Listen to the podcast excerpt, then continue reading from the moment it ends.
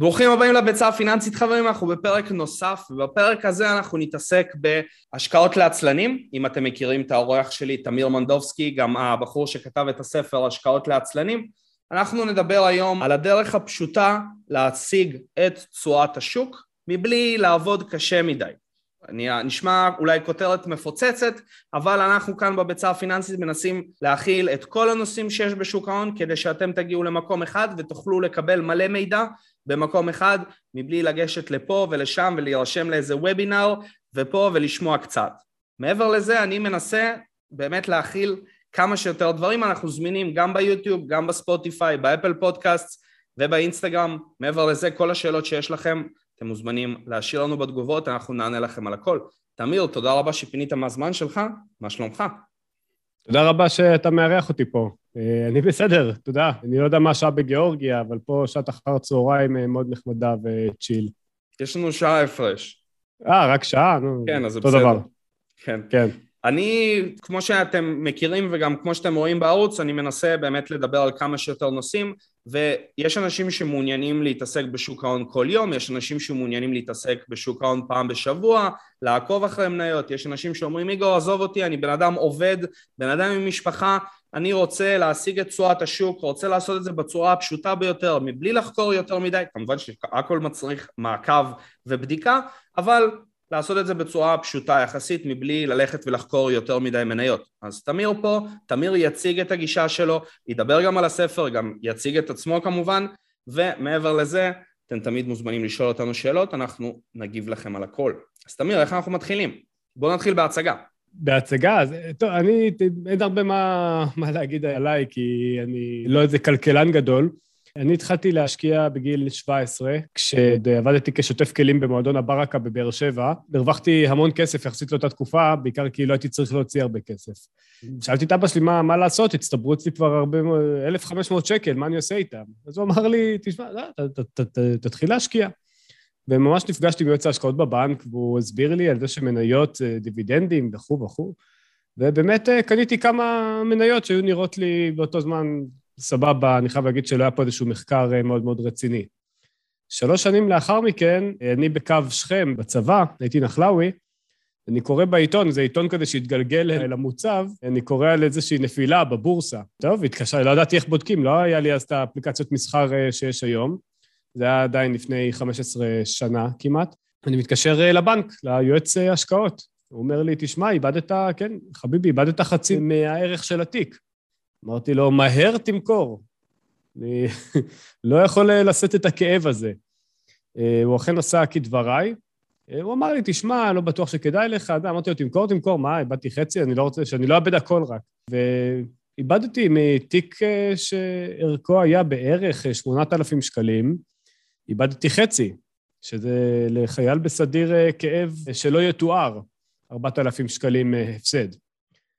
אני חייב להגיד שזה היה מבחינתי, יש את המשפט הזה, Sometimes you win, sometimes you learn, אז זה היה שיעור יקר, אבל אחד מהשיעורים עם הערך הכי גבוה אולי שקיבלתי בחיים, כי אחר כך מאוד התבאסתי לראות את השוק חוזר לעצמו ומשתקם וממריא אל על, ואני נשארתי מאחור עם המניות שמכרתי בהפסד. בלי המניות, אבל עם סכום שמכרתי אה, בהפסד. אז אה, זה תחילת הרומן שלי, סיפור קצת עגום, אולי אפשר להגיד. בגיל 23 הייתי כבר אחרי שנה, שנתיים של עבודה כמאבטח, וצברתי סכום די גדול בעובר ושב. אני אמרתי למניות, אני לא... וחיפשתי לי איזשהו אפיק השקעה, אמרו לי לדירות, אני במקור מהדרום, גדלתי בלהבים, אמרו לי שדירות בבאר שבע זה אפיק מאוד רווחי. הלכתי, חיפשתי, מצאתי בסוף איזושהי דירה, בתקופה ההיא, 2012, עוד היה אפשר uh, למצוא איזשהו משהו עם uh, סכומים כאלו, אחרי משכנתה והכל, וככה התחלתי להשקיע, כאילו קניתי את הדירה הראשונה שלי, זה מה זה להשקיע בנדל"ן, אני לא איזה איש נדל"ן, קניתי דירה להשקעה. שנה לאחר מכן התחלתי להשקיע במדדים עקב ספר, ספר שקראתי, ספר של ג'ון בוגל, אה, שנקרא The Common Sense Investing, קראתי כמה ספרי השקעות לאורך השנים, אבל זה הספר שהשפיע עליי, השפיע עליי עמוקות, ממליץ לכולם לקרוא אותו. והיום אני חושב שאחרי שעברתי את uh, כל uh, שלושת סוגי ההשקעה האלה, השקעות ערך, השקעה בנדל"ן, והיום אנחנו כבר אוטוטו עשר שנים אחרי שהתחלתי להשקיע במדדים, אני חושב שאני יכול להגיד בביטחון רב שהשקעה במדדים היא ההשקעה הפשוטה והרווחית ביותר. זאת אומרת, אם אתה משקלל את שני הפקטורים האלה, פשטות ורווחיות, אז אין ספק שביפר השקעה במדדים היא העדיפה. זה בגדול הסיפור שלי עד כה. מאז סיימתי לעבוד כמאבטח, אחר כך עבדתי כמה שנים כאנליסט הונאות פיננסיות, והיום אני עובד רק ביצירת תוכן. ספר לי קצת על הספר, מה גרם לך לכתוב את הספר? מה שגרם לי לכתוב את הספר זה בעיקר הרצון שלי לחסוך לעצמי זמן. כמו שאמרתי לך, מאז ומתמיד השקעות עניינו אותי. בעיקר בגלל שידעתי שאני לא הולך אה, להיות קרייריסט מאוד מאוד גדול. אני מאוד מאוד רציתי לעסוק במה שאני אוהב, אני אוהב אומנות. אתם יכולים לראות מאחוריי גם את הספרייה שלי, גם את הגיטרות שלי וגם את הנטפליקס שלי, פה, ממש כאן. אז זה מה שאני אוהב לעשות בחיים, אין מה לעשות. ולעבוד שעות מרובות, זה לא האופי שלי. אני עובד שעות מרובות, אני עובד עד הלילה, אבל בדברים שאני אוהב. אה, אני ממש לא מטיף, לא כאן ולא בספר, חלילה שלא ישתמע. תעזבו את העבודה, תעשו... זה, ממש לא הטייפ. אנשים אה, מוצאים הרבה מאוד משמעות ואהבה בעבודה שלהם. אני, אני אישית הבנתי בגיל מאוד צעיר שאני לא יכול לעשות את זה. בגלל זה התחלתי בגיל צעיר מאוד להתעניין בהשקעות. הרבה מאוד אנשים שאלו אותי לאורך כל הדרך איך מתחילים להשקיע, איך מתחילים להשקיע בנדל"ן, איך מתחילים להשקיע בשוק ההון, ומצאתי את עצמי עושה את אותה השיחה שוב ושוב. זה הפך להיות פעם בשבוע, כי כל אחד שעשה איתי את השיחה, ואחר כך גם אח שלו רצה, ואחר כך גם חברה שלו, ובאיזשהו שלב פשוט כתבתי לעצמי איזשהו אינדקס של חוקים, בהתחלה זה היה עמוד A4, אחר כך זה הפך לסוג של אימייל כזה, סוג של רשימת תפוצה, אחר כך ל-PDF, באיזשהו שלב הבנתי שאני כבר ברמה גרפיים, באיזשהו שלב הבנתי שכבר יש לי פה חומר לספר. וכך זה התפתח בתקופה של הקורונה, של הסגרים, היה לי הרבה מאוד זמן פנוי. אה, אני מאוד אוהב לכתוב, וכתבתי גם ספר פרוזה, שיצא לאור השנה, ופשוט התחלתי לכתוב את זה בצורה מאוד מאוד סיפורית. באיזשהו שלב הייתה איזושהי מישהי אחת שאמרה לי, תשמע, השיטה שאתה מתאר, אוקיי, יש השקעות ערך שדורשות זמן ומחקר. יש השקעות נדל"ן שדורשות לכתת רגליים, אין דרך אחרת לתאר את זה. פשוט להיות הרבה בשטח, לדבר עם אנשים, לריב עם אנשים לפעמים, אה, ספקים, אה, סוחרים. וההשקעות האלה, השקעות במדדים פסיביות, זה פשוט השקעות לאנשים עצלנים. עכשיו, כשאמרה לי עצלנים, אז עלתה לי החיה, ואמרתי לה, תשמעי, יש הרבה מאוד במשותף. יש הרבה מאוד במשותף בין החיה, העצלן, לבין המשקיע, העצלן. ובניגוד להרבה מאוד אספקטים אחרים בחיים, בהשקעות פסיביות, השקעות במדדים, ככל שאתה עושה פחות, אתה יודע, אתה איש של עשייה. אתה קם בבוקר, ישר אתה קופץ לך בטח את to-do list כזה של מה צריך להספיק, כמה צריך להספיק בשביל לספק כמה שיותר תוכן לאנשים. אני מאוד מאוד מזדהה עם זה. אני גם איש של יצירה, וגם לי יש את ה-to-do list הזה בראש, להגיד לך שאני מספיק כמה שאני רוצה להספיק, אני לא יכול להגיד. אבל ב... בכל תחום בחיים, בשביל להתקדם ובשביל להשיג את המטרות שלך, אתה צריך לעשות. בהשקעות פסיביות ההפך הוא הנכון. אתה צריך כמה שפחות לעשות. בוא תסביר לקהל מה זה כמה שפחות ומה זה השקעה במדדים.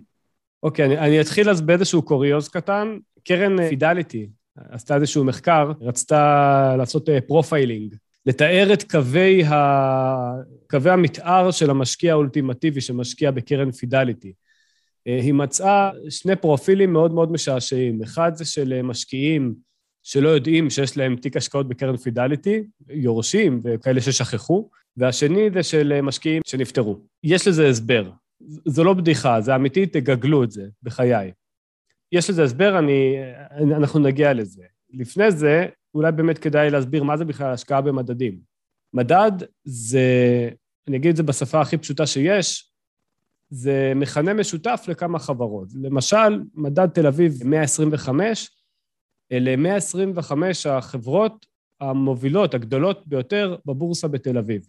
אתם מכירים, אני מניח שהמאזינים שלנו, כל עוד אנחנו מדברים אה, בעברית, המאזינים שלנו מכירים את רוב החברות במדד הזה, כי הם לקוחות שלהן. זאת אומרת, אנחנו מדברים פה על רמי לוי, סלקום, בזק, חברות אה, בנקים, חברות נדל"ן, חברות עם שווי שוק מאוד גדול במונחים של ישראל, שכולנו מכירים כי הם מופיעים בחדשות כל הזמן, אנחנו קנינו דירה אולי משיכון ובינוי, אנחנו לקוחות של בנק הפועלים, קונים ברמי לוי וכולי וכולי. אז זה מדד תל אביב 125. יש גם מדדים יותר נישתיים, מדד נדל"ן 15, שזה 15 חברות הנדל"ן הציבוריות הגדולות בישראל. אם אתם קונים את המדד הזה, אתם פחות או יותר stick to the מדד הנדל"ן בישראל. ערך הדירות יעלה, כנראה שגם המדד הזה יעלה. פשוט כי זה הנכסים שיש לחברות האלו, זו הסיבה היחידה. מדד אה, מוכר, אולי המוכר ביותר, זה מדד ה-S&P 500, שאלו בעצם 500 החברות הציבוריות הגדולות בארצות הברית, שמדורג על פי חברת Standard and Poor's, שזה בעצם S&P. זה אומנם מדד שמאוגד בארצות הברית, אבל הרבה מאוד אנשים אומרים בצדק שזה סוג של מדד עולמי. פשוט כי החברות שמופיעות שם הן חברות שנותנות שירות. קודם כל, לא כולן חברות אמריקאיות, גרידא, ודבר שני, גם החברות האמריקאיות, למשל נסטלה, מייקרוסופט, הן עובדות בכל העולם. עובדות גם בארצות הברית, אבל בעיקר בארצות הברית, אבל הן עובדות בכל העולם. ככה שיש כאלה שיגידו שהמדד ה-S&P 500 הוא בעצם סוג של בנצ'מרק עולמי, יש גם מדדים עולמיים. מי שיקנה למשל את אה, קרן הסל, בזה אני מסיים עם דוגמאות ספציפיות כרגע, קרן הסל VT של חברת ונגארד למשל, כמובן לא המלצה, סתם דוגמה, זו קרן שמחקה את אה, מדד השווקים העולמיים. זה כאילו קניתם הלכה למעשה אלפי חברות ברכישה של קרן סל אחת. אז זה ההגדרה של מדד. יש לך אולי משהו להוסיף? יכול להיות שאולי שכחתי משהו? בגדול אפשר להשקיע במדדים המובילים, כמו שתמיר אמר, יש את ה-S&P 500, יש לנו גם את הנסדק, יש את הדאו ג'ונס, יש לנו את הראסל 2000, מעבר לזה, כמו שהוא אמר, גם בארץ יש לנו את התל אביב 125, יש גם את תל אביב 35, אתם יכולים ללכת לסקטורים ספציפיים או לנישה ספציפית ולחפש תעודות סל או קרנות סל. אני גם הכנתי לכם סרטון שיופיע פה ציור של הסרטון כדי שיהיה לכם יותר קל למצוא אותו, איך להשקיע במדדים וגם איך לחפש את זה לבד. אני ראיתי את הסרטונים אה, שיש לך על מדדים, סרטונים מצוינים, אה, ממליץ מאוד, על זה אני כן יכול להמליץ במסגרת הזום הזה. זה מסביר מאוד טוב, אני ממליץ לכל אחד, לפני שאתם צוללים לעניין הזה, תקראו, תצרכו תוכן מאיגור, תצרכו תוכן מים בתוכן פיננסי שיש באינטרנט אה, בחיני חינם. ממליץ מאוד על ערוץ היוטיוב, מי שאוהב אנגלית, גם את ערוץ היוטיוב של איגור כמובן, שכולנו מכירים. ערוץ היוטיוב של בן פליקס באנגלית גם מדבר על השקעה בקרנות סל שמחקות מדדי מניות. קרנות סל, יש לציין, הן מוצר אחד מתוך כל מיני מוצרים שיכולים לחקות מדד. גם תעודות סל, קרנות נאמנות יכולות לחקות מדדים. מה שאני אוהב בקרנות סל, במוצר הזה ספציפי, זה זה שהנכסים שנקנים הנכסים בעצם, המניות של המדד שאתם קונים, הם נקנים באופן פיזי. זה אומר שאשכרה כשאתם קונים יחידה של קרן סל, אז יש מישהו בצד השני, בבית ההשקעות, שקונה את המניות במדד בצורה יחסית, ואתם בעצם הבעלים החוקיים, באופן חוזי, של הנכסים האלה. זה יתרון מאוד מאוד גדול שיש לקרנות הסל. יש כל מיני הבדלים, אני לא רוצה ככה לערבב אתכם יותר מדי, למשל שבתעודות סל התשואה שניתנת היא תשואה מובטחת, ובקרנות סל התשואה ש... שהקרן מבטיחה לכם היא, היא לא מובטחת, זאת אומרת המקצועיות של מי שמנהל את הקרן הזאת נמדדת בכמה שהוא מצליח לעקוב אחרי המדד, אבל אין איזושהי הבטחה. יש יתרונות לכאן, יש יתרונות לכאן, יש גם חסרונות לכל אחד מהצדדים, אבל הדרך היום הפופולרית, ויש לזה סיבה, הפופולרית ביותר, היא באמת דרך ETF, דרך אה, קרנות סל. אני אדבר קצת על אה, למה בעצם יש משקיעים שמעדיפים להשקיע במדדים. באמת, הסיבה שבגללה שואלים את הלמה הזה, כי הרבה אנשים אומרים, רגע, אני לא רוצה את תשואת השוק, אני רוצה לנצח את השוק, אני רוצה את תשואה עוד יותר גבוהה. אני אישית קטן אמונה לגבי יכולת של אדם כלשהו, אפילו משקיעים מקצועיים, לנצח את השוק. ויש לזה כל מיני סיבות. הסיבה המרכזית היא שיש הרבה מאוד משקיעים בשוק, הרבה מאוד. כל מי שמשקיע בשוק ההון רוצה להשיג כמה שיותר כסף, מן הסתם. כל מי שעוד משקיע במניות. יש כאלה שרוצים להשיג את זה בתנודתיות יותר נמוכה, יש כאלה שלא אכפת להם להשיג תנודתיות יותר גבוהה, אבל בסוף המטרה של כולם זה לנצח. אם יש איקס של משקיעים, בהכרח יהיו כאלה שיצליחו להשיג תשואה מעל הממוצע, 50 אחוז, ויהיו כאלה, 50 אחוז, שיפיקו תשואה שהיא מתחת לממוצע. זה common sense, ויש את הממוצע. עכשיו, בזמן שכולם חושבים שלהם יש את היכולת להפיק תשואה שהיא מעל הממוצע, האמת היא שבהכרח חצי מהאנשים לא יצליחו. אז למה לי יש איזושהי אמונה בעצמי שאני אצליח להשיג את התשואה שהיא מעל הממוצעת? לא יודע. לי אישית אין. אני קטן אמונה לגבי זה. מה שאני כן בטוח זה שיש שני גורמים שמבטיחים את הרווח שלהם. אחד, זה רשות המיסים, על כל מכירה ברווח אני משלם מס. שתיים, זה בית ההשקעות. על כל מכירה ועל כל קנייה, לא משנה אם אני מפסיד או מרוויח, אני משלם דמי ניהול. עכשיו, בזמן שלהרבה מאוד אנשים יש איזושהי אשליית שליטה, ואולי אפילו איזושהי, אה, נקרא לזה reverse engineering, זאת אומרת, אם הם מרוויחים, אז הם אומרים, אה, בוודאי שאני הרווחתי כי שמתי את הכסף על אמזון, בגלל סיבה א', ב', ג'. אבל כשאמזון מפסידה, אז, הם, אה, אז הסיפורים האלה לא תופסים. אז ה-reverse engineering לא עובד, מה שנקרא. אנשים ומשקיעים רבים אלופים בלספר לעצמם סיפורים. לא, אני לא מדבר בכלל על סיפורים שמספרים לאחרים. בלספר לעצמם, בלשכנע את עצמם. אני קצת יותר ריאלי. אני משקיע לטווח ארוך מאוד. אני היום בן 33, אתה אפילו צעיר ממני, ובגלל זה טווח ההשקעה שלי הוא עשרות רבות של שנים. עשרות רבות. לפי אקטוארים שעובדים בקרנות הפנסיה, בני הדור שלנו הולכים לחיות בממוצע עד גיל 96. זה אומר שיש לי, יש לי פה עוד uh, סביבות ה-60 שנה לחיות. זה אומר יותר מ-40 שנות חיסכון. וכנראה שאולי אפילו עד הסוף. זאת אומרת, רוב האנשים לא פודים את כל הכסף שלהם יום לפני שהם מתים ושורפים אותו, ומשאירים משהו. אז בהנחה שיש לי 50 שנות חיסכון לפניי, אני רוצה להשקיע כמה שפחות אנרגיה בלנהל את ההשקעות, אני רוצה לשלם כמה שפחות דמי ניהול. כי דמי ניהול שהלכו, זאת אומרת, שקל ששילמתי לבית ההשקעות זה בהכרח שקל שמפסיק לעבוד עבורי, ואני רוצה לשלם כמה שפחות מס באופן שהחוק מאפשר לי לעשות את זה. שלושת הצרכים האלו מקבלים מענה על ידי השקעה במדדים. כי מי שמוכר, קונה, מוכר, קונה, מה שהוא מפסיד, המדינה לא משתתפת איתו, על מה שהוא מרוויח, הוא מתחלק עם פקיד השומה ב-25 אחוזים. נכון שזה מתקזז, אבל בסוף השנה, זאת אומרת ההפסדים והרווחים, אני מתכוון, אבל בסוף השנה, אם יצאת עם רווח, אתה תיאלץ לחלוק אותו. אה, דמי ניהול, אם שמתם את הכסף שלכם על איזושהי קרן, שיבטיחו לכם איזושהי תשואה מאוד מאוד גבוהה, כי מנהלי הקרן הם גאונים, אבל הם לוקחים לכם אחוז אחד בשנה, זה אחוז תשואה שיורד לטמיון והוא לא יעבוד עבורכם בעתיד. כשמדברים במונחים של ריבית מצטברת, ריבית דריבית, זה הרבה מאוד כסף. דבר אה, אחרון, זה עניין המס, נגענו בזה בעצם. אני דיברתי על, על המס שאנחנו משלמים, אבל מה שאני רציתי לדבר עליו ושכחתי זה על דחיית המס. מנגנון של דחיית מס זה מנגנון שכל אחד צריך לשים לעיניו, לדעתי לפחות, לנגד עיניו, כל החיים. אני לא אומר אל תשלמו מס, אני רק אומר שהחובה של כל אחד זה לחשוב כיצד הוא משלם כמה שפחות מס במסגרת החוק. לא אני אמרתי את זה, בית משפט עליון קבע את זה. שבן אדם יכול אה, לעשות הכל כדי לשלם כמה שפחות מס במסגרת החוק.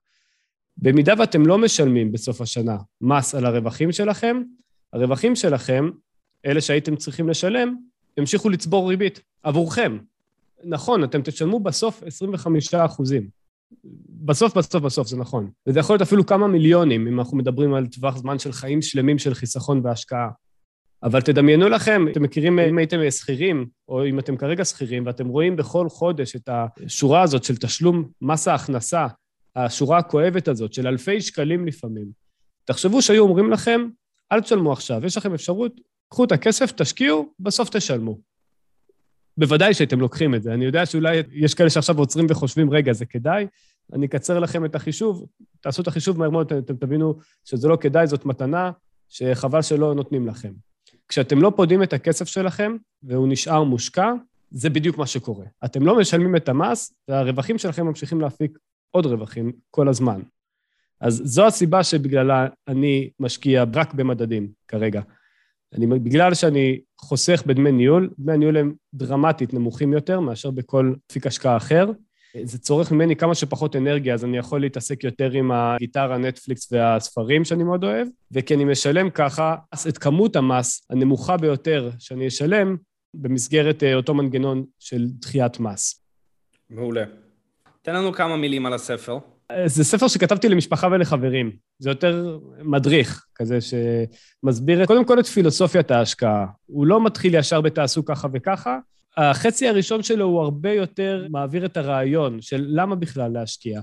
אני עושה שם כמה סימולציות שאנשים לצערי לא עושים עד גיל מאוד מאוחר בחיים שלהם, ומבהיר מה יקרה אם אדם עובד, אדם רגיל, לא איזה אוליגרך או משקיע מבריק. אדם רגיל שעובד בחנות גרביים ומשתכר אה, שכר ממוצע במשק, מה יקרה אם הוא יפריש לתיק השקעות, מחכה מדד, פשוט, שלא מצריך יותר מדי עבודה, במשך כל חייו. אני אתן אה, רמז, התוצאות מפתיעות את כולם. אנשים לא מאמינים שאפשר להגיע לכזה הון, אה, בזמן שאנשים מחפשים איך להסתדר, איך פשוט לפתוח את התיק השקעות כדי, כי הם יודעים שזה חשוב, ואז הם מגלים שהם יכולים להפוך להיות עשירים בהרבה. ממה שהם חשבו שהם יכולים להיות בחיים. החצי השני של הספר הוא קצת יותר פרקטי. טיפה יותר יורדים ממש לעניינים, מה שנקרא, מבינים איך בוחרים את התמהיל בתיק, איך יש שם כמה תרגילי דמיון מודרך כאלה שעוזרים בעצם לקורא להבין מה כמות החשיפה למניות שהוא יעדיף.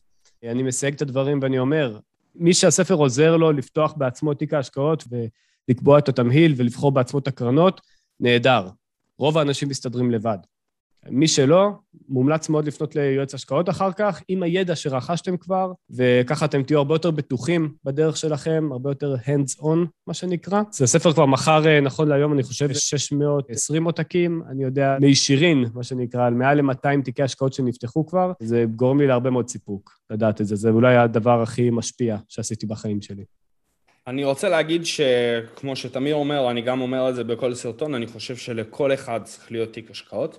אפילו אם אתם אומרים, אני לא מתחיל, אני לא סוחר ואני לא מתעסק במסחר טווח קצר או טווח ארוך יותר, אני פשוט קונה את השוק, אז זאת אחת מהדרכים פשוט לקנות את השוק. כל פעם שאתם חוסכים עוד ועוד כסף להפקיד, להמשיך לקנות את אותם מוצרים, במיוחד כשיש דם ברחובות, במיוחד כשיש תקופות קשות שהשוק יורד, המטרה שלנו זה לא לברוח, אלא להפקיד עוד כסף. קרה הרבה פעמים מצבים, כמו שאתם בטח תזדהו, או שמעתם חברים בתקופות של הירידות של הקורונה, שהשוק חווה ירידה של כ-30% בערך בחודש וחצי, אנשים פדו את הפנסיות שלהם, את הקרנות השתלמות שלהם, הוציאו את כל הכסף שהיה להם בשוק ההון, ואמרו, אני אחכה לתקופה רגועה יותר. ואז מה קרה?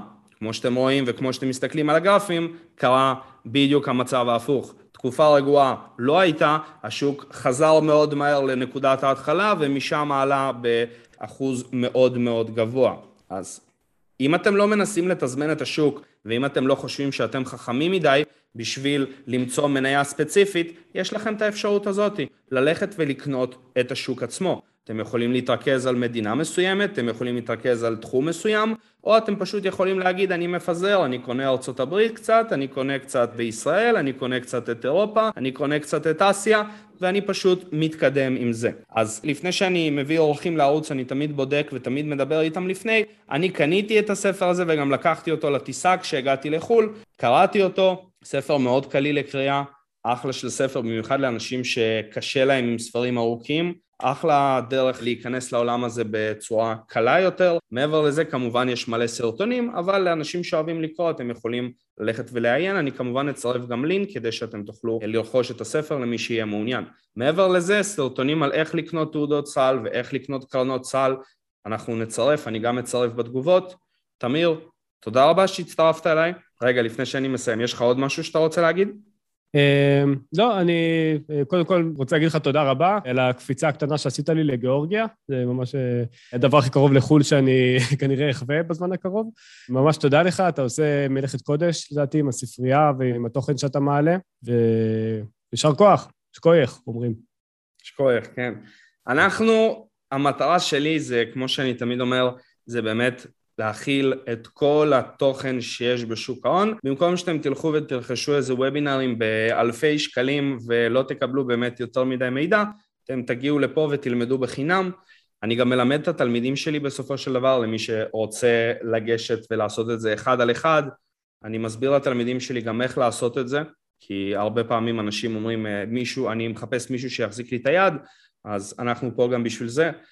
כמובן שאם יהיה לכם איזשהם שאלות, לא הבנתם משהו, אתם תרצו שנדבר על דברים נוספים, תכתבו לנו בתגובות. תמיר, תודה רבה שהצטרפת אליי. תודה איגור, תודה. אם יש לכם שאלות, תכתבו בתגובות. אה, אני לא אוכל לענות כי זה לא הערוץ שלי, אבל אה, אני בטוח שאיגור יעשה מלאכת קודש. אני עונה לכולם. אני עונה גם בשישי, גם בשבת, גם ביוטיוב, גם ברשתות החברתיות האחרות. אני זמין תמיד. תנוח לפעמים. תנוח לפעמים, אנחנו ננוח בהמשך. זה כרגע מה שאנחנו עושים, אני מאוד אוהב בסופו של דבר את העבודה שלי ואני מאוד אוהב לגרום לאנשים ללמוד עוד ועוד נושאים ובאמת לקבל הרבה מאוד תוכן במקום אחד. אז תודה רבה על ההאזנה חברים. מדהים. ושיהיה לכולם בהצלחה. יאללה, תודה.